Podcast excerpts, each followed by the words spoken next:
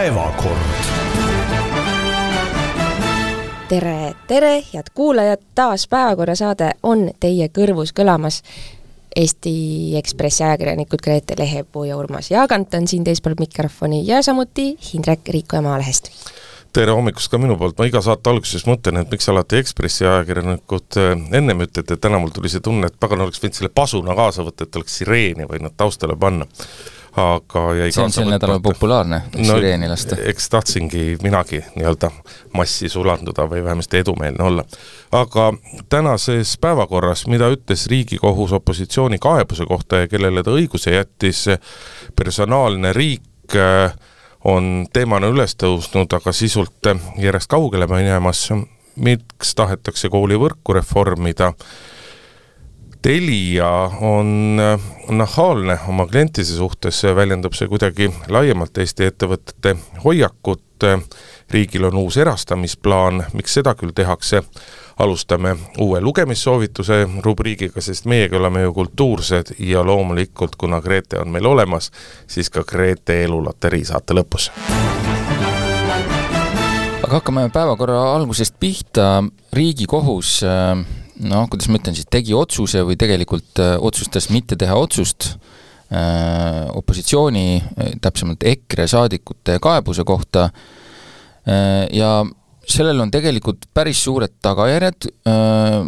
erinevalt sellest, mis mulje on jäänud selle nende kajastusest senimaani, mis on olnud pigem selline väiksemat, tagasihoidlikumat sorti, aga selle mõjud on päris suured. Mm, niisiis, äh, Riigikohus otsustas, et opositsioonil, õigemini EKRE-l siis ei ole õigust kaevata selle peale, et nad ei saa teha äh, põhimõtteliselt kuritahtlikku obstruktsiooni. Äh, EKRE saadikud soovisid, et äh, no Riigikohus annaks oma hinnangu selle osas, et neil ei, et mõned nende muudatusettepanekud, mida nad siis soovisid äh, saada hääletusele, neid ei võetud, ei võetud menetlusse, saadeti põhimõtteliselt prügikasti ja Riigikohus ütles, et seda teemat tema üldse ei menetle, sellepärast et selle peale EKRE-l kaevata õigust ei ole, kuna neilt ei ole ära võetud mingisuguseid põhiõigusi ja seda, et äh, muudatusettepanekutega ajada umbe äh, kogu Riigikogu töö, äh, kõik eelnõud, et see ei ole mingi asi, mida peaks saama Riigikohtus kaitsta, see ei ole mingi hüve ega õigus. no ma ei tea, mis mulje teile siis jätab, ma olen näinud senimaani koalitsiooni poolt selliseid natukene varjatud niisuguseid rõõmuhõiskeid, EKRE poolt sellist äh, käte laiutamist ja nentimist, et noh, mida sealt siis oodata oligi, äh, EKRE muidugi näeb, et süvariik on siin ajanud oma kombitsed Riigikohtusse, mida nad muidugi alati kasutavad, olenevalt siis sellest, mis see tulemus Riigikohtust on, et kui see on neile kasulik, siis on Riigikohus teinud hea otsuse ja näeb ka valitsuse äh, liberaalseid plaane läbi, aga kui see otsus neile ei sobi, siis on Riigikohus osaline selles liberaalses ma ei tea, mis plaanis või maailma korras. mitte lihtsalt liberaalseid, vaid saatanlikke liberaalseid ja, plaane. mul ei tulnud niisuguseid häid kujundeid praegu, seda harva juhtub, aga praegu tõesti ei tulnud. jah, tõsi, aga pole midagi, eks on sinulgi vahel kehvemad päevad, nagu teistel enamusel. aga noh, üks olulisemaid punkte ikkagi selles otsuses on see, et Riigikohtu, Riigikohus järjekordselt viitab, et need küsimused tuleb parlamendis endas reguleerida, ehk see on parlamendi võimuses panna paika milliseid äh, milliseid muudatusettepanekuid saab teha, kui palju on võimalik juntida, kui palju on võimalik obstruktsiooni rakendada, et Riigikohus peab ise, või vabandust, Riigikogu peab ise suutma seda ära otsustada. siin on üks oluline, oluline asi, äh, on selle juures see, et senimaani on olnud ikkagi niimoodi, et muudatusettepanek on muudatusettepanek, hoolimata sellest, milline ta on, kui ta vastab äh, tehnilistele nõuetele, siis on see muudatusettepanek ja seda peab arutama, nüüd nüüd mida Riigikogu otsus, Riigikohtu otsus äh, kaasa toob, on see, et sisuliselt on nüüd äh, selle mm, nii-öelda otsuse pealt äh, Riigikogu komisjonidel võimalik öelda, et nemad otsustavad, millised muudatusettepanekud on obstruktsioon või arutu takistamine ja millised ei ole. mis on sisuline, mis ei ole? mis on sisuline, mis ei ole, et senimaani ei ole olnud sellist asja, et, et komisjon saab otsustada, et millised nende jaoks nagu kõlbavad ja millised nende jaoks ei kõlba ja ma saan aru, miks koalitsiooni see rõõmustab, aga tegelikult on siin ikkagi reaalne, minu jaoks täitsa reaalne küsimus, et kus see piir läheb esiteks, et äh, kust maalt saab öelda, et tegemist on sellise obstruktsiooniga, muidugi see, mis praegu toimub, sellega on kõik selge. aga äh, ega ju ütleme, kui Reformierakond, oletame, mingil hetkel on ise opositsioonis ja esitab ka muudatusettepanekuid, teeb neid targemini, teeb neid kavalamalt, teeb neid sellise piiripealse koguse, siis on näiteks ütleme, EKRE juhib seda komisjoni, ütleb, et need kõik on äh, takistamine. meenutame kus see piir läheb? meenutame ajalugu, et äh, iseenesest nii-öelda äh, arupärimiste, muudatusettepanekute ja kõige sellega pidurdamine ei ole parlamendis midagi uut, seda on tehtud aastakümneid ja reeglina on see alati ikkagi käinud, käinud viisil, et äh, kõiki neid hakatakse siis parlamendis hääletama, mingi aja opositsioon jaksab juntida ja siis kas opositsioon väsib või leitakse kompromiss. ja suur muutus saabus tollel hetkel, kui äh, ametis oli veel Jüri Ratase valitsus koosseisus äh, Keskerakond, EKRE ja, ja Isamaa ja siis, kui oli ukse ees seismas äh, abielureferendumi hääletus, siis oli mäletatavasti Anti Poolamets, EKRE esindaja, oli, kui ma nüüd ei eksi, õiguskomisjoni esimees ja siis esimest korda mindi seda teed, et hakati panema muudatusettepanekuid pakettidesse. ehk tege- ja, ja üritati neid, mõte oli selles, et hääletame neid pakettidena, mitte ükshaaval. ehk tegelikult muidugi vaata, EKRE sõdib praegu asja vastu, mida teeb koalitsioon, sest koalitsioon on seda EKRE-lt endalt õppinud mulle meeldis kõige rohkem äh, Riigikohtu sõnastuses, et ähm, et see muudatuste hulk ja nende ebasiirus oli see ka, mis ei tee neid tõsiseltvõetavaks või mis panebki need nagu äh, kaaluma, et et mulle meeldib, kui, kui kaalutakse, kaalutakse mm, asja mõtet ähm,, aga ega midagi nagu selles mõttes ju ei muutu või et et see, see jant jätkub endiselt, kuna EKRE on nüüd eriti solvunud kõige selle peale. Ja, ja samas nagu, aga mis seal komisjonides muud peakski juhtuma, minu et selles mõttes see, see jääb endiselt Riigikogu enda asjaks, on ju, komisjonid peavadki selle selgeks vaidlema, fraktsioonid peavadki selgeks vaidlema omavahel. No jaa, aga siin ongi see küsimus, et, et äh, kes, kes seal komisjonis otsustab, kus, kus see ebasiirus jookseb, milline, millised ettepanekud on ebasiirad, et ma saan aru, Riigikohtu hinnang on selline, et need olid sellised, järelikult neid nagu ei pea, nüüd, nüüd äh, nüüd kujutame ette, me kujutame hästi ette komisjoni istungit, kus äh, näiteks komisjoni juhataja ütleb, et see on ebasiiras, Riigikohus on öelnud, et ebasiirad võib saata prügikasti, see siin on ebasiiras äh, ja sinna ta läheb. et seda on nagu keeruline öelda, aga aga siin on veel üks oluline asi, mis, mille mõju võib-olla sellele otsusele on veel kõige suurem, on see, et teatavasti muudatusettepanekud on need, mis on, mis on olnud viis, kuidas viia valitsus kasutama usaldushääletust, ehk siis kui need muudatusettepanekud on lihtsalt nii palju, et valitsusele ajasurvel ei jää muud üle, kui äh, korraldada äh, usaldushääletus ja võtta mingi eelnõu vastu äh, enda nii-öelda ametis püsimise noh, riskiga või siis selle kaaluga, eks. Nüüd, kui komisjon saab otsustada näiteks, et mingisugune virn muudatusettepanekuid on ebasiirad ja need lähevad otse hunti, paberihunti, siis Äh, siis põhimõtteliselt me võime kujutada ette, kuidas ei tekigi enam niisugust olukorda, kus valitsusel oleks vaja usaldushääletust kasutada, sest noh, mingi sada, kakssada muudatusettepanekut, see on nohu, selle, selle toimetab Riigikogu suures saalis ära nende pauside ja asjadega, teeme paar ööistungit, aga kui need on tuhandeid, siis, siis ei pääse ilma usaldushääletusta, nüüd äh, kui komisjon hakkab äh, nii-öelda seda ebasiiruse printsiipi nagu hoogsalt rakendama,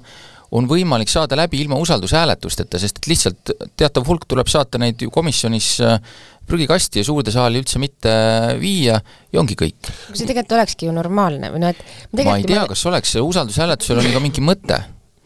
ja aga, aga tegelikult see ongi ju veider, et kui keegi toodab, on ju, tuhanded muudatusettepanekuid, mis nende sisu on või kuidas nad on toodetud, nad on toodetud nagu mehaaniliselt, on ju noh, mm, seal, seal ongi suvalised asjad, täiesti ei, ebavajalikud, ebasisulised asjad aga, ja need lihtsalt, peabki saama kõrvale panna. aga kujutame ette, kas sa tead seda mängu, kus hakatakse, kui ma hakkan sinult küsima, et kas viis puud on mets, siis sa vastad, et ei ole, siis ma hakkan teiselt poolt tulema, et kas tuhat puud on mets, siis me ühel hetkel jõuame olukorrani, kus äh, sa ütled, et äh, viissada kolmkümmend on ja viissada kakskümmend üheksa ei ole. et äh, see on täpselt see küsimus, et jah, muidugi tuhat on nagu noh, aru, arulagedalt palju, aga kolmsada nelikümmend neli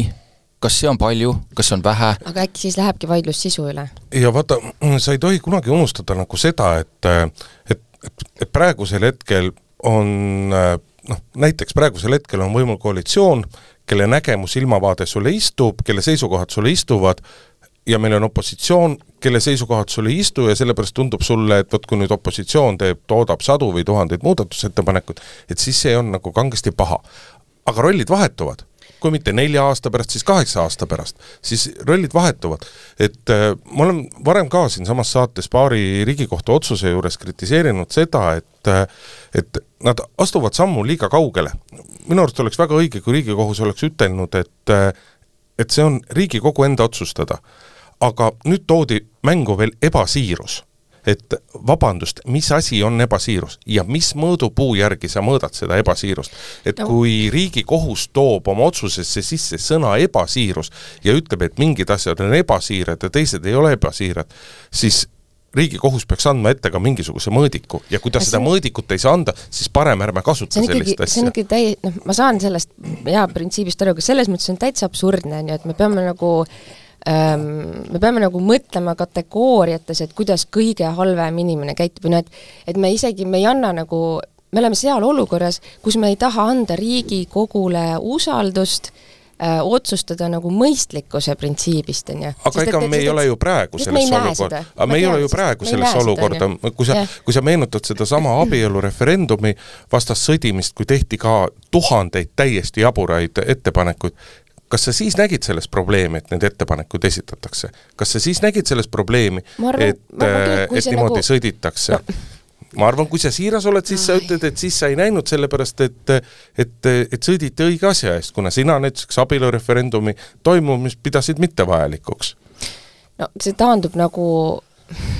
kuidas ma siis ütlen? No selle, selle, selle asjaga need, jah, mida me teeme siin ka praegu, on see, et me ar-, arutame nende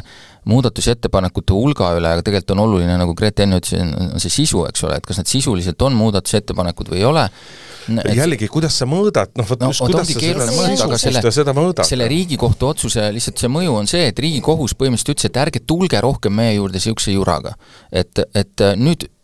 et see selles mõttes, see töötab just nimelt koalitsiooni kasuks selle koha pealt, et äh, nüüd äh, opositsioonil põhimõtteliselt ei ole enam mõtet äh,, EKRE-l ei ole enam mõtet saata selliseid, kui nende muudatusettepanekud lihtsalt ära käkerdatakse ja aknast välja visatakse, siis ei ole mõtet minna Riigikohtusse kaeblema, seepärast et nüüd on üks otsus olemas, et seda ei võeta niikuinii menetlusse. jaa, aga tulemus on see, et mõlemad osapooled kaevuvad veel rohkem sügavamalt kaevikutesse. äkki on tulemus vastupidine? no noh, vot ma, ma ei, ma ei, ma ei näe seda, et tuleks et see praegune olukord on ikkagi see, et tänasel hetkel opositsioon kaevub veel sügavamalt kaevikusse, hakkab veel tugevamalt torpedeerima, veel rohkem mm -hmm. tegema ja kui näiteks kolme aasta pärast pärast valimisi nii-öelda rollid pöörduvad, siis tänane koalitsioon, sattudes opositsiooni, hakkab tegelikult samamoodi edasi töötama. no tegelikult me muidugi see nädal oleme juba näinud, et ei hakanud tugevamini torpedeerima, sest ideed on üsna otsas ja appi võeti pasunad, äh, et, et selles mõttes noh, mingisugust nii-öelda äh, nutikat lahendust äh, praegu veel ei paista, et võib-olla on vaatavad ikkagi laias ilmas ringi, kuidas seal käitutakse, millal noh, jube et... inetu ja nõme öelda, aga minul järjest rohkem kuklast tiksub küsimus, et millal tuleb meie parlamendi esimene kaklus? Mm jah, see on tegelikult täitsa aus küsimus, et ähm, noh, ma loodan, et Oid, enne jumal, et ei tuleks. ma loodan, et sinna vahele jäävad ka veel niisugused etapid, kus lennutatakse kingi ja muid selliseid asju, mida me oleme ka näinud. Õnneks on lauad-toolid põranda küljes kinni, see on üsna kindlalt. jah, see, see on hästi toolid ei ole. rasked, rasked tammid. see on hästi, aga, aga kallid kingad võivad olla tehtud ka üsna tugevatest materjalidest, et äh, võib-olla selline pehmem toss ei tee nagu suurt häda, aga seal vist enamik ikka käib kingades, et võib haiget saada küll Eesti kakssada ja personaalne riik on äh, nii puntras, et enam ei, ei saa me aru, kust äh, üks hakkab ja teine lõpeb. ja seal vahel kuskil on ka Priit äh, Alamäe ja sees, mitte vahel. sees, mitte vahel. ja ühesõnaga, seda ühepäevatoitu on siia Eesti rahvale serveeritud ähm, ja me rääkisime eelmine nädal, ähm,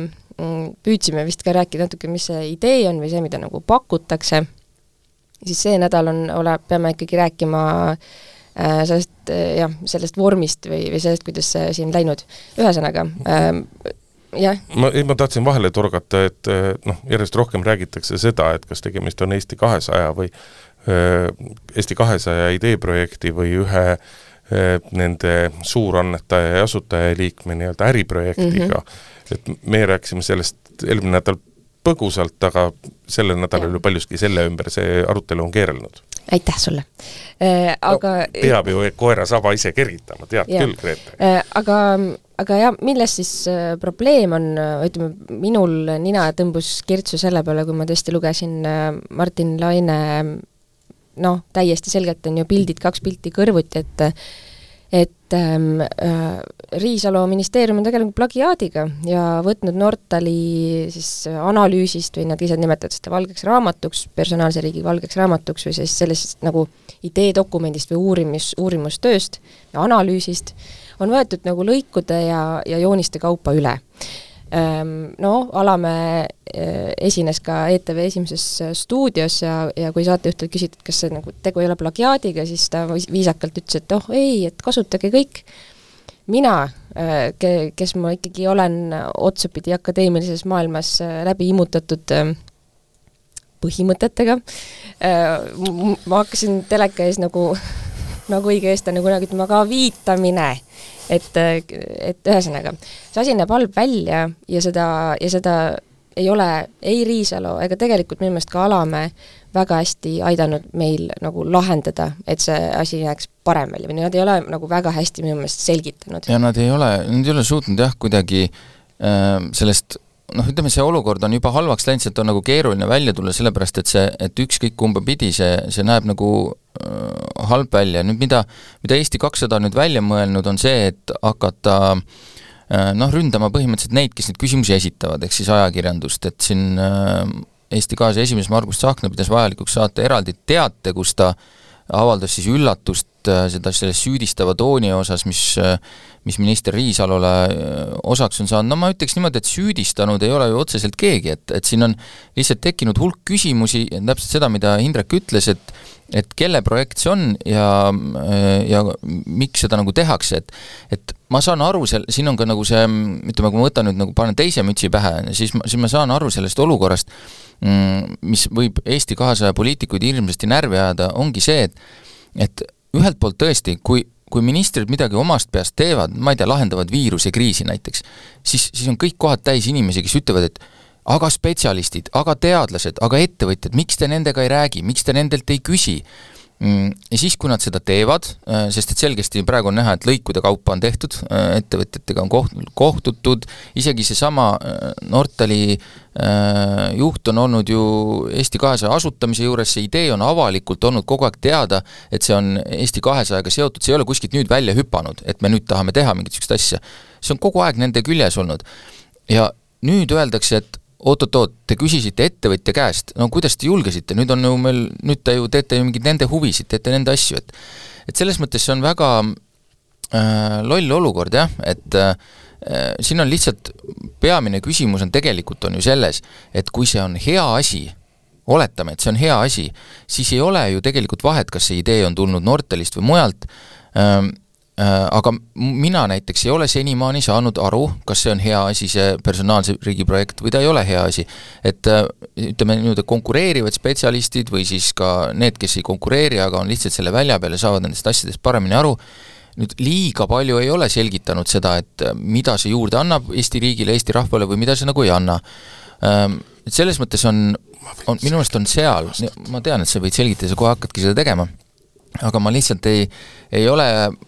nagu näinud, et, et selle koha peale see vaidlus läheks, et kõik need, kõik need asjad, mis tunduvad sealjuures kahtlased, need on muidugi halvasti tehtud. no kas oli vaja kutsuda Nortali esindaja ministeeriumi nagu tutvustavale äh, pressiüritusele rääkima, kas oli vaja võtta nagu nii palju noh, põhimõtteliselt kopeerida seda ühte paberit äh,, erasektori ettevõtte paberit, eks ole, otse ministeeriumi paberiks ja nii edasi, et noh, seda kõike poleks nagu vaja olnud, samas kui seda oleks nagu peidetud, kas see oleks parem, et ähm, ma ei tea. aga ei olekski pidanud peitma, lihtsalt kirjuta ausalt nagu sinna joonise juurde, et see on sealt äh, Nortali sellest aruandest ja asivask. aga muidugi siis me oleks selle peale küsinud, võtnud ise lahti selle Nortali aruanderaamatu, me oleks samas kohas tagasi. Te räägite selles mõttes tõesti tähtsusetust asjast, et vastates sinu küsimusele, kas personaalne riik on hea asi, siis vastus on jah, kahtlemata personaalne riik on hea asi. kui sa küsiksid, kas see on teostatav asi,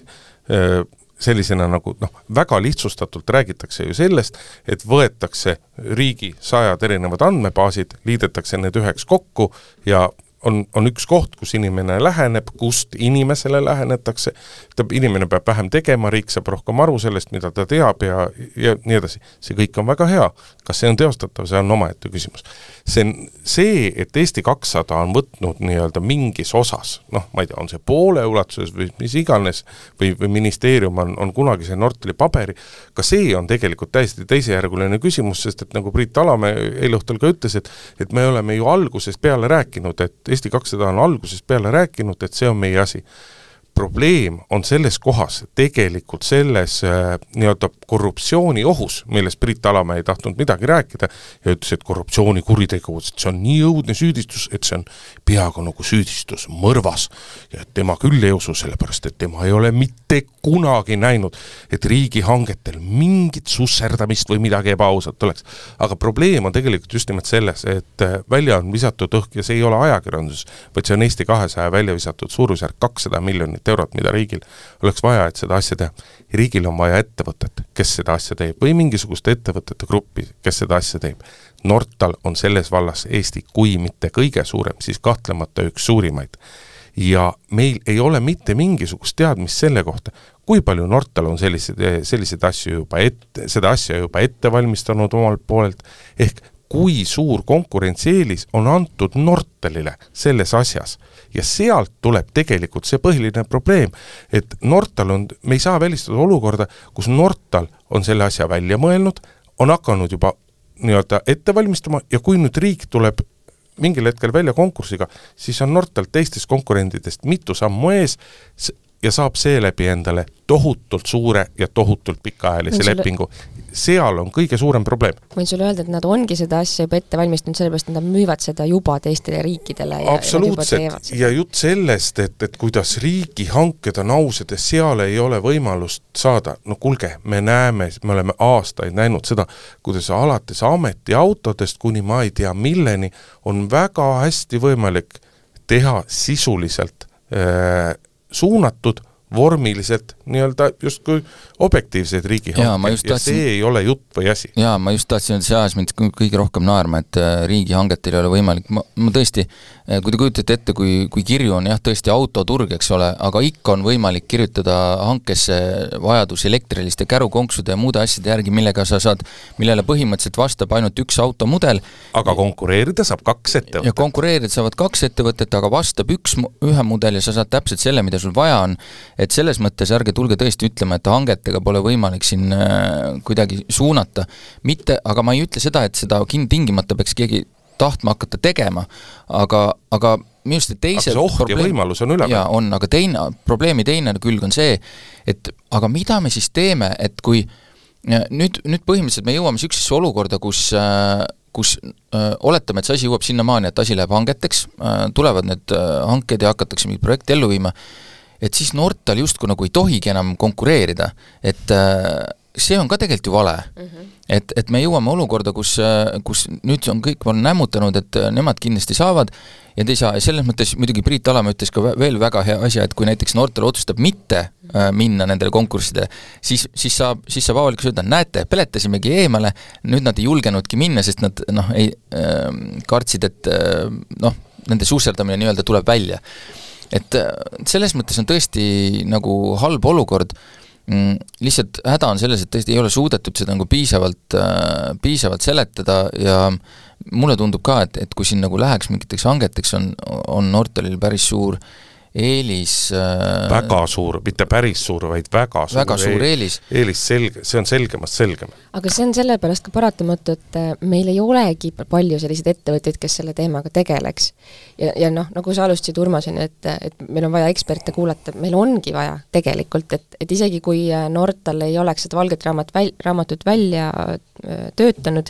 ühel hetkel Alamäe või, või kes iganes sealt Nortalist oleks ikkagi laua taga olnud ministeeriumis, kui nad oleksid neid asju arutanud, sest nad on lihtsalt nii vaieldamatult eksperdid. et äh, siin äh, selles mõttes võib Alamäega jah nõus olla, et võita nagu ei saa sellest olukorrast ähm,, aga, aga no, nagu mis me... mõttes ei saa võita no,, Nortal ne... saab võita endale väga suured ja väga pikaajalised jaa, lepingud, aga, aga kuidas see ei ole tähendab, võita. see tähendab, et,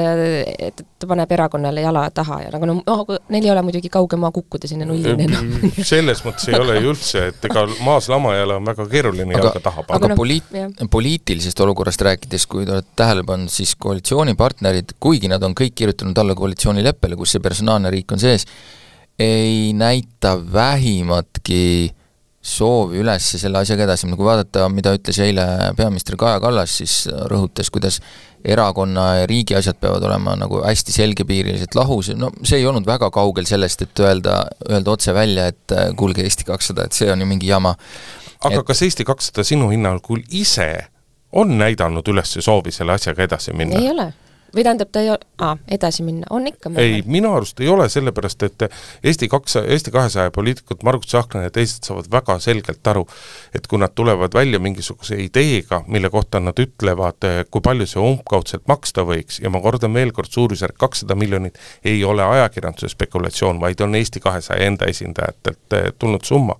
siis kui nad reaalselt tahaksid selle asjaga edasi minna, siis nad näitaksid ka selgelt sel-, seda, milline on potentsiaalne kasu, mis sellest asjast tuleb. aga seda poolt ei ole ju absoluutselt, sellest poolest ei ole absoluutselt, ei ole tahetud rääkida ja ei ole räägitud. Ja see on tegelikult selle kõige, projekti kõige suurem miinus, et kuulge, olukorras, kus me ei leia õpetajatele kümmet miljonit, miljonit mingitele toetustele ja nii edasi, ei ole mõtet rääkida kahesaja miljoni kulutamisest, kui sa ei suuda näidata, et mitte väga pikas perspektiivis suudame me tänu sellele kokku hoida näiteks nelisada miljonit või kuussada miljonit, midagi minu arust ka koalitsioonipartnerite reaktsioonid ja seisukohad, kuigi need on niisugused hillitsetud,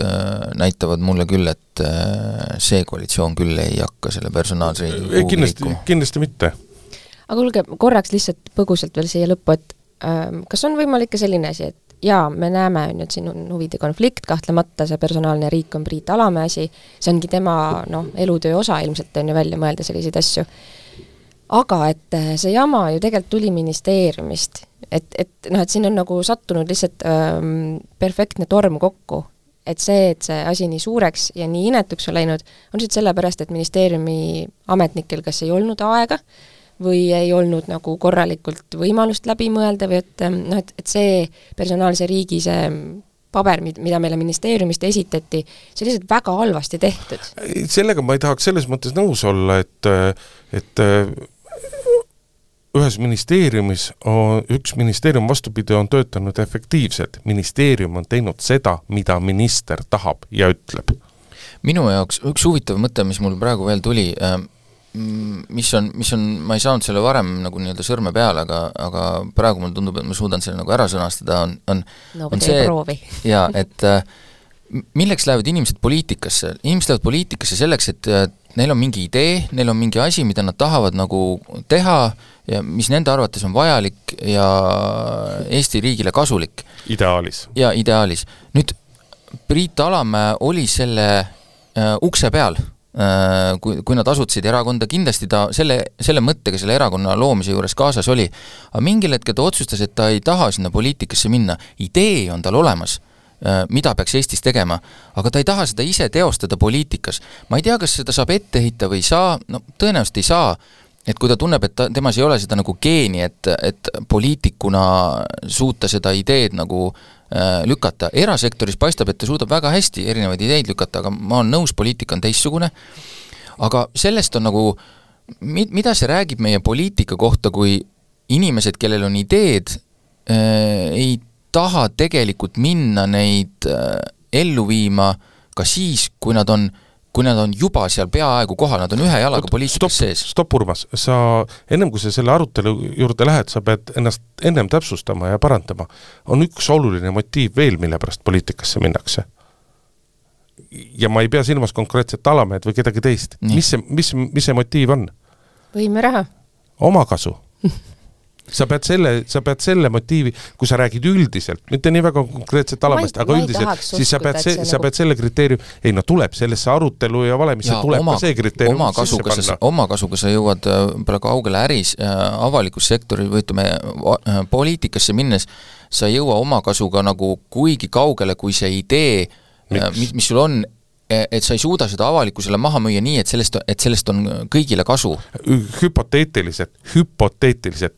mitte milleski kedagi süüdistades, kui Priit Alamäe läheb poliitikasse motiiviga teha selline asi ära, et selle eest saada omakasu ja ta nii-öelda sellesse avalikusse poliitikasse ei lähe, aga ta suudab selle läbi suruda, siis on ju kõik korras. eesmärk on ju täidetud. aga see oli nüüd hüpoteetiline arutelu räägime pisut reaalsemast asjast, eh, nimelt koolivõrgu korrastamine, me siin selles mõttes tõttame natukene sündmustest ette, et reede hommikul me oma saadet salvestame ja reede pärastlõunal Haridusministeerium tutvustab järjekordset eh, koolivõrgu nii-öelda muutmise plaani, kuidas iganes seda nimetatakse, jutt äh, hõlmab see eelkõige nii-öelda väiksemaid maagümnaasiume ja me päris täpselt ei tea, mis on äh,, mis on nii-öelda see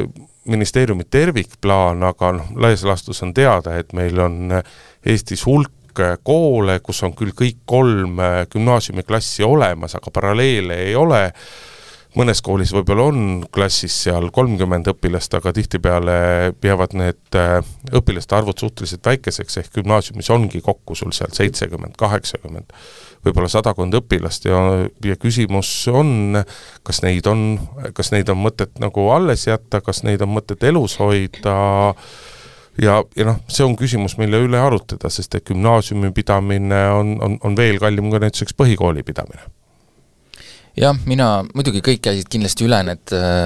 need nimekirjad ja otsisid sealt, ma ei tea, no võib-olla mitte kõik, kes on kuskilt suurtest koolidest, ei pidanud seda ilmselt tegema, mina pidin ja mina muidugi leidsin ka oma kooli, kus mina gümnaasiumis käisin, sealt nimekirjast üles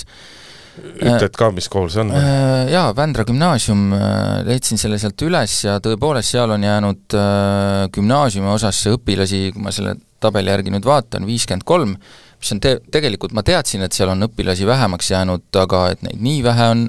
tuleb natukene üllatusena, et kui mina aga palju sinu ajal oli? ma, ma ei mäleta, palju gümnaasiumis, meil oli kindlasti kaks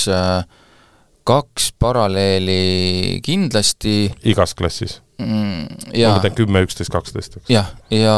ütleme, kui mina seal käisin, oli terve kooli peale kokku, põhikooli osaga juurde arvates, oli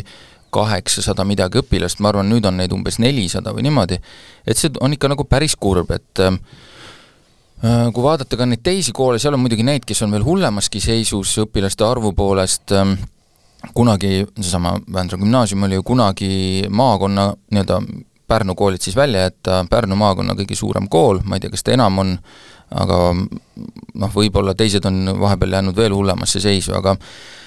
noh, proovisin seda nagu asja endale isiklikuks mõelda, et mida ma siis nagu tunnen selle osas, noh, ma pean ütlema, et eks see muidugi on väga nukker, aga ma, minu üks nagu küsimus on see, et kust, kust me siis ikkagi äh, meil oli just see õpetajate palga küsimus üleval, et kust, kust see siis nagu raha peaks tulema, kui me seda kuskilt kokku ei hoia, kuidas me saaksime seda teha, et et mulle tundub, et gümnaasiumide puhul meid vist paraku ootab äh, jälle see vana sõnaga internaatide, uue sõnaga õpilaskodude aeg veidikene, kus õpilased peavad käima kaugemal, sellepärast et meil on lihtsalt jääb äh, maa, maakohtades elu piisavalt hõredaks, et selliseid koole, gümnaasiume võib-olla ei ole mõtet pidada, nüüd suur probleem on see, et ma ei näe mitte ühtegi omavalitsusjuhti, kes elus oleks valmis niisugust asja tegema, ilma et äh, teda põhimõtteliselt äh, kuskil piinapingis venitatakse ja siis talt saadakse see otsus kätte, et et see on väga väga halb äh, koht ja muidugi ei hakka seda keegi tegema enne kohalike omavalitsuste valimisi, aga noh, arutelu on ilmselt vajalik, sest et selle asja teine pool kõige selle kurva juures on ikkagi see, et et me just pidasime vaidlust õpetajate palkade üle ja nüüd me, nüüd see, mis meile on esitatud, on tegelikult üks kokkuhoiukoht ja nüüd ma näen väga tugevaid reaktsioone selles osas, et seda mingil juhul ei ole võimalik teha. Minu arust on meil ju pikalt räägitud koolivõrgu, koolivõrgu reformimisest, sellest, et me peaksime suunduma selle poole, et meil oleks algkoolid ja ja põhikoolid võimalikult kodu lähedal ja gümnaasiumid võivad olla kaugemal, et kui mina ise käisin koolis, mina käisin Lilleküla keskkoolis justkui Tallinna südames, aga meie koolis oli, või meie klassis oli oli neli-viis last kindlasti või noh, mis lapsed nüüd gümnaasiumis ikka enam on, kes käisid väljaspoolt Tallinnat, käisid, käisid kooli, mõni käis, sõitis iga päev rongiga, vähemasti ühel oli vist korteri üüritud Tallinnas, kui ma vaatan, ma ise elan Tallinnast väljas, minu lapsed käivad, käivad koolis Jüris, ehk iga päev nad sõidavad koolibussiga niisugune kakskümmend, kakskümmend minutit kooli, kakskümmend minutit tagasi, ja seda põhikoolis, noh tegelikult algkoolist saadik nad seda teevad, et kui ma oma gümnaasiumi aega meenutan, siis meil siin räägitakse sellest, et, et, et issand jumal, issand jumal, issand jumal, issand jumal, vabandust, mina ei usu, et, et, et võiks olla kuigi suur hulk eh, gümnaasiumiõpilasi, kelle jaoks on näiteks probleem hommikul pool tundi kooli sõita eh, koolibussiga Nonii, siseneb Lehepuu. mina olen siis, nüüd räägime kõik oma elulood siis ära, jah?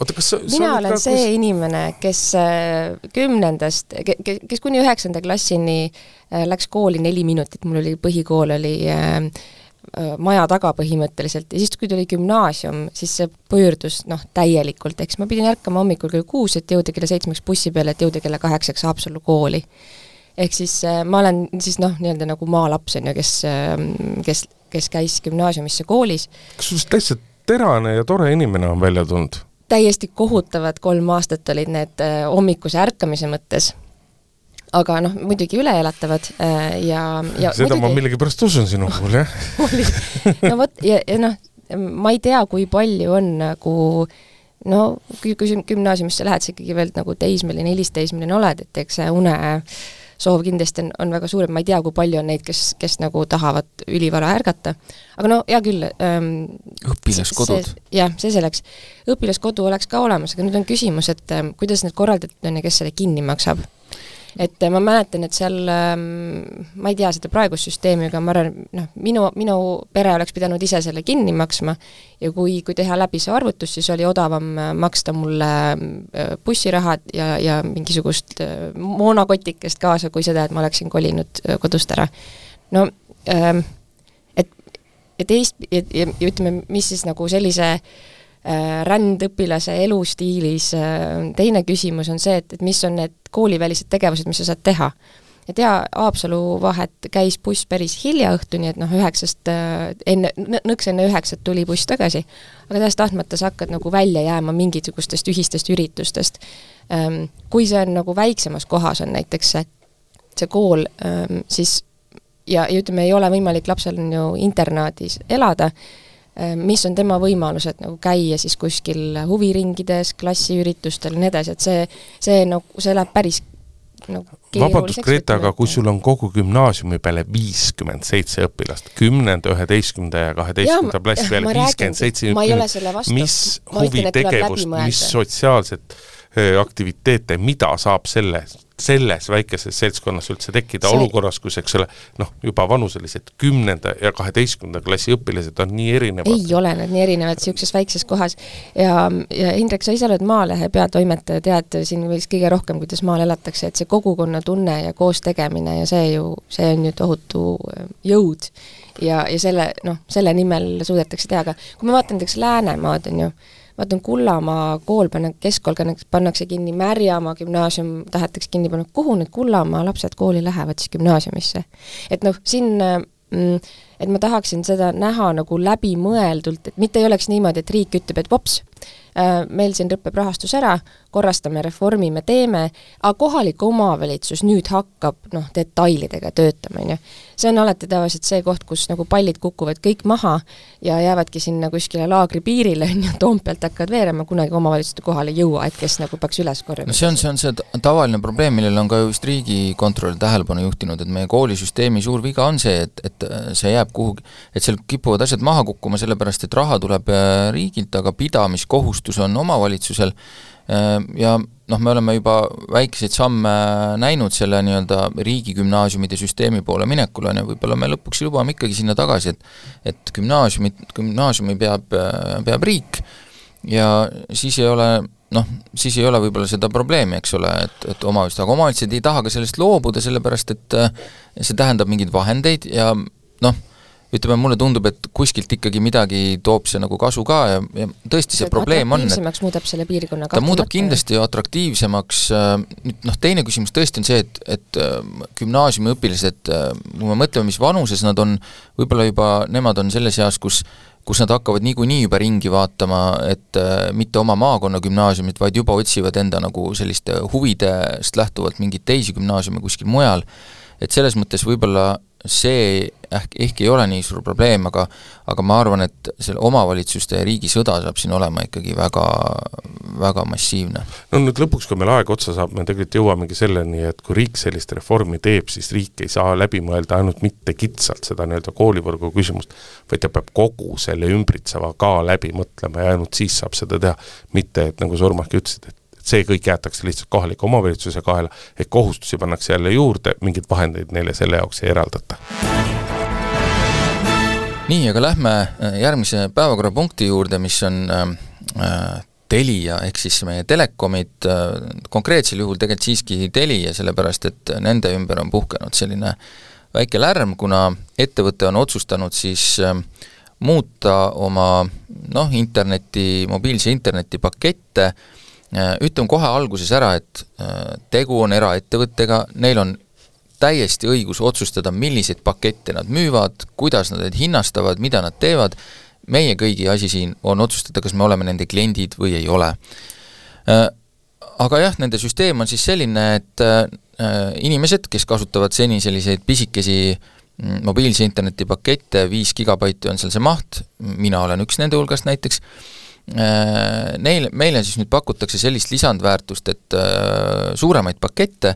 aga muidugi ka mak-, maksate rohkem, äh, aga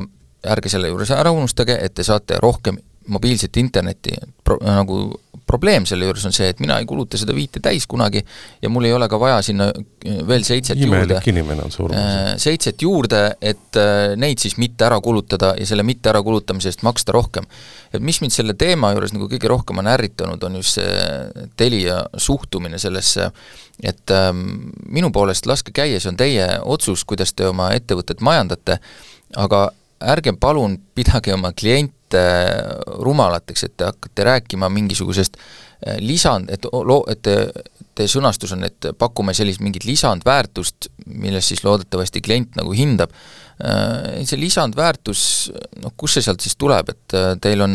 mida te pakute, on internet, mis on ka teistel olemas, see internet on sama värvi, tal on samasugused baidid ja bitid. sama aeglane. ja, ja sama, see sama aeglane ja sealt jookseb seesama äh, Äh, veebileht äh, täpselt sellisena, nagu ta igal pool mujal jookseb, et palun ärge tulge seda juttu rääkima, öelge siis lihtsalt, et need, need odavamad äh, paketid lihtsalt on kallid teil ülal pidada, teil ei ole mõtet neid seal hoida ja tõesti, kui te tulete oma klient, kliendi juurde sellise üldistusega, et stri-, kõik striimivad nii palju, et nendel väikestel pole mõtet, siis ma võin öelda, et näiteks siin selle mikrofoni taga istub üks klient, kes ei striimi ja kellel ei kulu striimimise peale äh, internetti. mis sul viga on? ma ei tea, mis mul viga on, aga minule, minule ei meeldi telefonist vaadata videosid,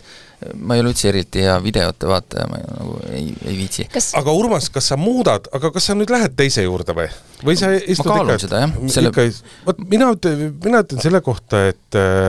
et, et Urmas, sa oled loll klient. No võib-olla küll, aga, aga ära muretse, ära muretse, Urmas, mina olen ka loll klient. Ja tegelikult selliste lollide klientide peale Telia Äh, Telia mängib, mina vaatasin suvel mobiiliturul ringi, sest et mul on kolme lapse internetipaketid, eks ole, noh, viie gigabaidiga võib muidugi lutsu visata, eks ole, iga, iga noore inimese puhul.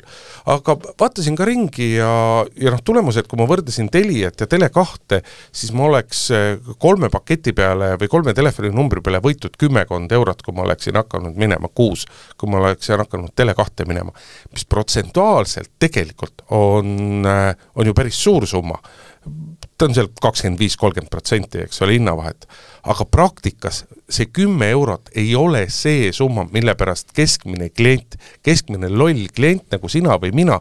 hakkaks seda janti ette No võtma. ära ja selle selle- peale, ja selle peale Telia mängibki. selle kümne, kümne euro eest, mõtle niipidi, et selle kümne euro eest sa saad siis lubada endale mingisuguse ma tean, ma ma tean, interneti ma tean, aga vaata, Eesti inimese kõige suurem häda on see, et Eesti inimene, on see kaubanduses, on see mobiilsideoperaatorius, on see kus iganes, ta pagan ei hääleta jalgadega. Ja sellepärast saavadki, on need siis kaupmehed, mobiilsideoperaatorid või kes iganes, klientide peal see liugu lasta ja ma tunnistan ausalt, ma olen ise ka selles süüdi, aga tegelikult Eesti inimesed peaksid lihtsalt jalgadega hääletama, mõned hoiatavad näited kuskil kaupluses mõne mobiilsideoperaatori juures ja meil ei oleks selliseid probleeme tegelikult enam. Kas äh, mobiilne internet ei ole sama, mis need SMS-id, et ähm, et praegu, kui pakutakse selleks, oh, tuhat tasuta SMS-i, sa mõtled, vau, sihuke kogus, ma olen, no täiega olen võitnud sellega, aga mitte keegi ei saada enam SMS-e. või siis need saadetakse nagu läb-, üle interneti, need ei maksa tegelikult seda, selles vanas, vanad, vanad tehnoloogiat pidi. et kas äkki mobiilse internetiga on ka see, et meil on ju wifi võrgud igal pool. ma striimin päris palju telefonist igast asju, aga aga ma olen Wi-Fi-s enamasti, et äh, mu telefon automaatselt äh, leiab oma need koduvõrgud üles ja istub seal, on ju. et mul, mul ei ole, mul vahepeal oli tõesti probleem, et mul sai see kuidagi, mingi maht sai täis, aga ma ei tea, kas ma nüüd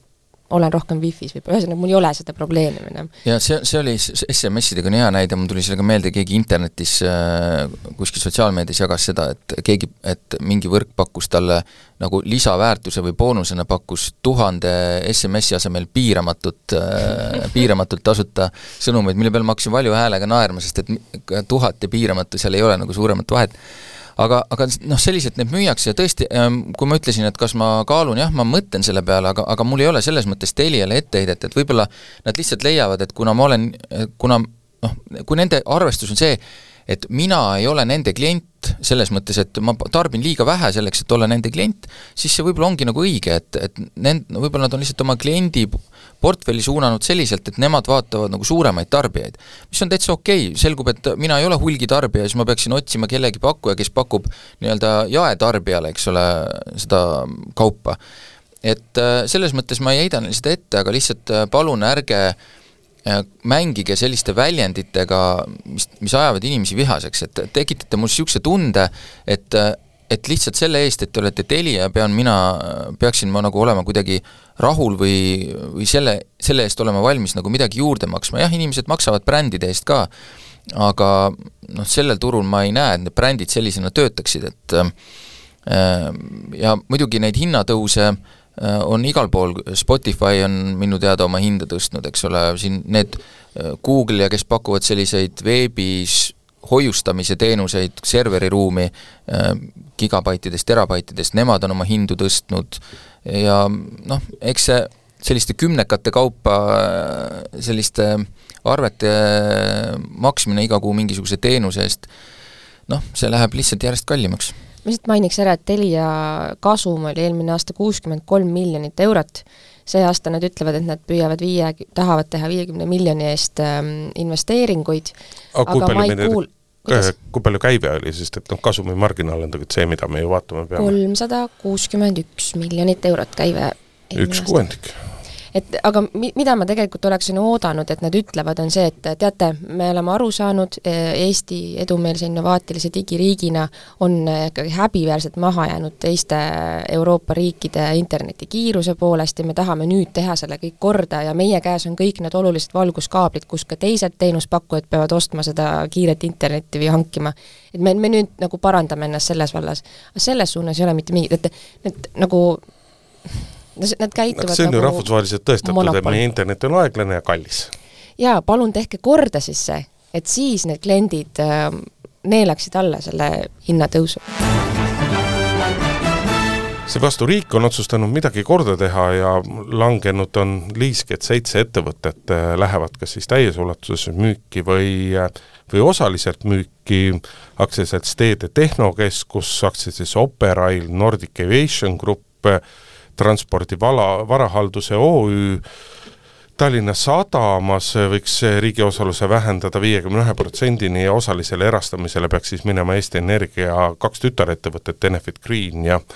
eh, Enefit AS, et eh,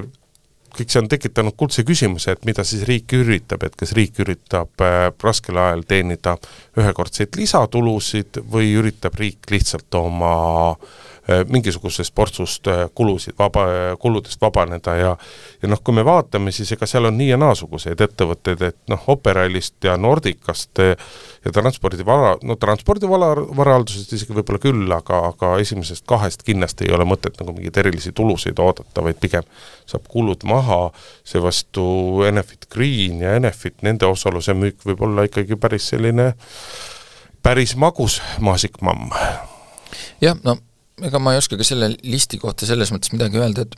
põhimõttena tundub see mulle õige, et kui kui ei ole, kui ettevõtted ei ole sellise strateegilise tähtsusega, siis siis äh, kas neid on mõtet äh, riigil pidada, eks neid on siin peetud ka sellise nagu dividendide pärast mingid, aga mingid neist ei ole toonud ammu enam midagi. Ja mõned ettevõtted pärast äh, nii-öelda Venemaa businessi ärakukkumist ei ole noh, ei ole võimelised äh, midagi nagu juurde tooma, et äh, siis võib-olla tõesti on mõistlik need äh, nagu erastada, et selles mõttes äh, mulle tundub see mõistlik plaan, mm, lihtsalt äh, siin on olnud juba ammu varemgi see küsimus, kas seda peaks nagu tegema, poliitikud on alati sama, sama meelt nagu avaldanud, et jah, et kus ei ole strateegilisi huvisid, need peaks olema erakätes, noh nüüd siis nagu tehakse ka, et selles mõttes ma arvan, et täitsa hea mõte jah, selle päevakorrapunkti võime vist lõpetada. Et jah, ma oleks kõiki samu asju öelnud, mis Urmas, et et me näeme Nordica näitel, kuidas ikkagi no riigiettevõtte juhtimisstruktuuris saavad ikkagi kõik õied lohisema minna ühe korraga ja väga pikalt. aga ja... saavad, aga saavad juhul, kui riik oma nii-öelda seda omaniku kohust ei täida, et ja, ma ei ole siiski kindlasti sellest nagu... parteist, kes ütleb, et noh, et et a priori riik on halb omanik. ei ole riik halb omanik, kui sellesse asja suhtutakse nagu tõsiselt, kõike seda võetakse tõsiselt, kui me vaatame seda, kuidas on Eesti Energiat majandatud ja millised on Eesti Energia nõukogu koosseisud olnud, siis üldiselt nii-öelda nagu Eesti Energiat on valdavas osas ikkagi juhitud väga hästi, sest et noh, jah, me võime siin rääkida Utah põlevkiviprojektidest ja veel mõnest asjast, aga kuulge, need on noh, need on, need on kübemekesed Eesti Energia mahtude kõrval, aga üldiselt on seda väga hästi tehtud, aga vaata, lennundus on selline asi, mida riik ei ole kunagi õigupoolest pannud paika oma prioriteete ja soove ja noh, ka sinna nii-öelda nõukogu tasandil või õigupoolest ministrid ei ole nõukogu töösse väga tõsiselt suhtunud, et selles mõttes see on niisugune jälle kahe otsaga asi muidugi pange siis kukrud valmis ja, ja läheb ostumölluks, jah. Aga nüüd on mul hea meel tutvustada teile ühte uut rubriiki, mida me hakkame ilmselt kasutama saates, tegelikult ju igaks saateks loeme läbi mingisuguseid dokumente ja, ja igaks, iga nädal äh, riik ja, ja, ja ettevõtted pakuvad meile mingisugust lugemisvara. Ja selle nädala lugemissoovitus on kindlasti Välisluure aastaraamat Äh, mis äh, ma pean ütlema, mulle äh, kasutajana lugesin seda muide mobiilist, mobiilset internetti kasutades, see nägi väga hea välja, seda oli mugav kasutada, et ma, ma kiidan selle eest, ähm, et ei, ei olnud lihtsalt ühte PDF-i üles laetud. kas sina, Urmas, lugesid ikka paberkandjal? Ei ole lugenud paberkandjal, ikka, ikka netist. Ehm, aga et äh, välisluure aastaraamat, no ta selles mõttes jah, seal meil nagu üllatusi ei tule, et Venemaa ja Hiina pakuvad, äh, pakuvad tööd sellele ametile ja peavad, teevad, peavad tegema valvsaks äh, nii meid kui poliitikuid, kui ettevõtjaid mm,, aga lihtsalt see, minu meelest on need tekstid inimlikult kirjutatud, need ei ole üleliia nagu pikad ja lohisevad ja, ja annab ta siis aimu, millega see amet tegeleb, et see Äh, kellele spioonipõnevikud meeldivad, siis saab sinna taha igasuguseid mõt-, lugusid ise veel juurde mõelda. minu jaoks oli üllatav see, et äh, et iga kord, kui äh, kui tuleb Kaitsepolitsei aastaraamat või seesama väli, Välisluureamet oma, oma bülletääni avaldab, et siis vähemasti osa ajakirjandusest, kui mitte suur osa ajakirjandusest reageerib sellele justkui millegile üllatavale, justkui millelegi uuele. et tegelikult nendest samadest probleemidest on juba räägitud aastaid ja aastaid ja aastaid ja on omamoodi nagu pentsik vaadata, kui vähe see osadele inimestele, osadele ettevõtjatele, aga ka osadele ametkondadele tegelikult nii-öelda korda läheb, et noh, Venemaad me teame kõik, aga noh, sam-, seesama Hiina küsimus äh,, Hiina, Hiina luure, elektroonika, Huawei ja asjad, noh millest on ju tõesti juba aastaid ja aastaid, aastaid räägitud, et see justkui järjest, jälle tuleb, eks ole, igal talvel üllatusena, et issand jumal, issand jumal, mis nüüd küll saab, kas me peame oma robot-tolmuimejad ära viskama? aga ma arvan, üllatus äh, ei ole mitte see teema või see fakt, vaid see, et kes seda ütleb. kui ütleb Välisluureamet, siis nii on. aga nad on seda ju aastaid ütelnud Nad on seda tõesti aastaid ütelnud, mina lihtsalt kiidan seda, seda traditsiooni nende asutuste poolt, kes muidu on üsna kinnised, et nad ikkagi midagi teevad selle suunal, et, et olla avalik, muidugi jah, me ei saa lugeda neilt riigisaladust ja ja nende Kahju. mingit töötaktikat, mis oleks ju muidugi väga põnev, on ju. aga, aga me saame mingisuguseid hinnanguid, me saame mingisugust nii-öelda keegi võtab selle toimuva kokku ja esitab selle sellisel narratiivsel kujul, mida on nagu tegelikult täitsa hea lugeda ja saate aru sellest, mida meie peaksime, seda tasub alati mõelda, et need on asjad, mida Välisluureamet, Eesti kõige salajasem amet ilmselt, on ju, millest me ei tea muidu midagi, äh, paneb kirja, mida nad arvavad, et teie võiksite teada nendest riikidest, nendest asjadest. et see ei ole lihtsalt, et nad on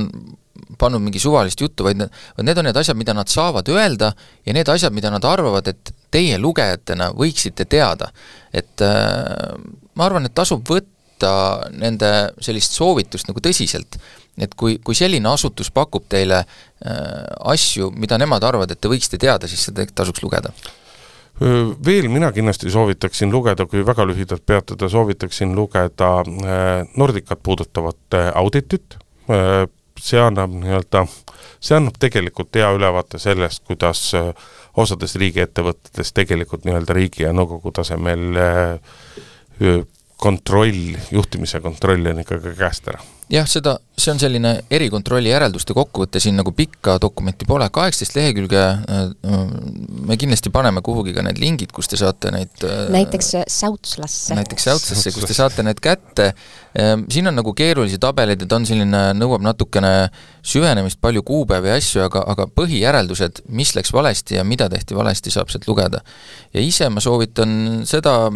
dokumenti, millest me saate alguses rääkisime, ehk siis Riigikohtu kohtumäärust äh, sellesama EKRE kaebuse peale, siin on ka niimoodi, et see ei ole väga pikk, äh, kui te olete teemaga kursis, jätke vahele kaebaja seisukoht, jätke vahele Riigikogu arvamus, aga lugege kolleegiumi seisukohta, äh, seal on ka palju viiteid, erinevaid nagu lühendeid, aga nendest saab üle minna, sest te ei pea neid kõiki seadusi lahti võtma, piisab, kui te loete seda teksti osa ja saate aru, mis,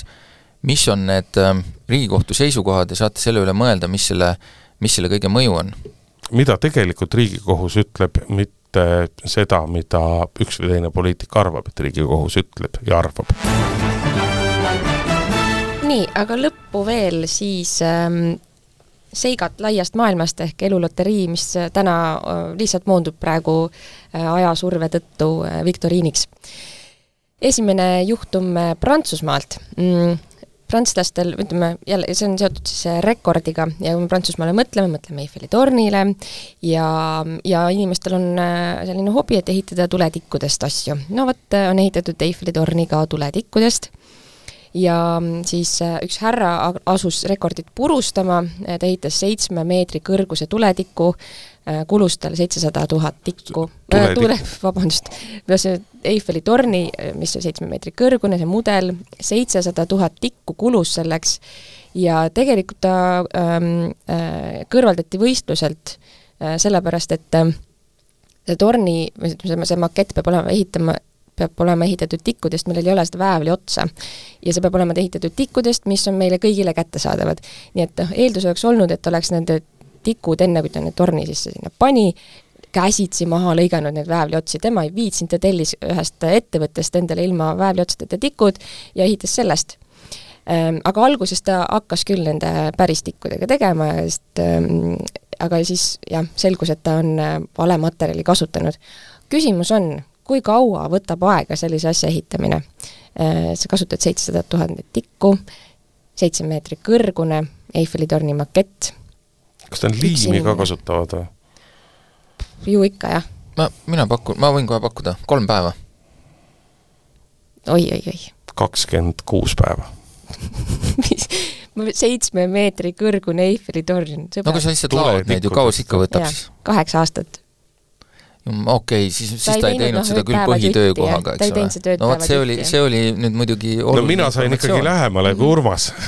see oli oluline informatsioon, sest et kui ta ladus tõesti seal oma nii-öelda man cave'is äh, kuskil koopas istudes, ladus neid äh, neli tükki ja siis vaatas äh, telekast jalgpalli või mida prantslased vaatavad, et et siis muidugi läheb kaheksa aastat, jah. mulle tundub, et inimene ei võtnud seda ikka väga tõsiselt jaa, ei võtnud jah, kuna ta julges tellida endale tööstuslikke tikke, millel ei ole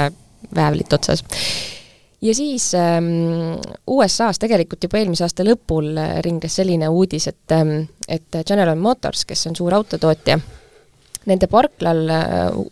ühel, ühel autoparklal, kus olid uued autod, hulkus kaks koera. Nad elasid seal äh, kuskil kuskil need elasid, noh see ei olnud selline nagu äh, särav autosalongi parkla, on ju, aga neil oli seal kuskil olla ja ja siis äh, ööhakul käisid nad lollusi tegemas ja lõhkusid autosid äh,. Nüüd küsimus on, et millise summa ulatuses suutsid kaks koerakest autodele kahju teha? suured või väiksed koerad? mis see tõug oli huvitav uh,? Pean otsima kas nad olid kiibistatud ja vaktsineeritud? kuidagi kehvalt on ette valmistatud see eluloterii, Gretel, ma vaatan. Need on olulised detailid ja ma pakun, et äh, mm, noh, ikkagi ütleme, üks auto. mis, mis ajaperiood, mis see ajaperiood oli? kas seda sa täpsustasid või ei täpsustanud? öö jooksul, neli miljonit ma pakun. nädala jo-, november kuus kuni november kaheksateist, jah, see on siis peaaegu kaks nädalat, jah. mina pak-, sina pakkusid neli miljonit yeah.? kaksteist miljonit. okei okay,, no need mõõdikud on teil täna sassis, kolmsada viiskümmend tuhat dollarit. see on üks auto ju. see on no, ühe auto no kuidas, jah, jah, kuidas kellelgi, kelle auto, eks ole, viiel autol jõudsid nad teha viga ja ma ütleks, need koerad on niisugused nagu keskmise koera suurusega okay.. kas tuleb kolmas küsimus ka ruttu saate Ei, lõppu? aitab küll aga tõmbame siis tänase saate otsad kokku, Grete meid niimoodi sunnib, Grete Lehepuu, Urmas Jaagant, Indrek Riikoja olid stuudios, kuulake meid Delfi taskust, Spotify'st, Apple'i podcasti, Keskkonnast, Maalehest saab kuulata, Ekspressist saab kuulata. igalt poolt, kus vähegi midagi on, seal on Päevakorra podcast ka eetris, ilusat nädalavahetust ja tuleval reedel jälle kuuleme. päevakord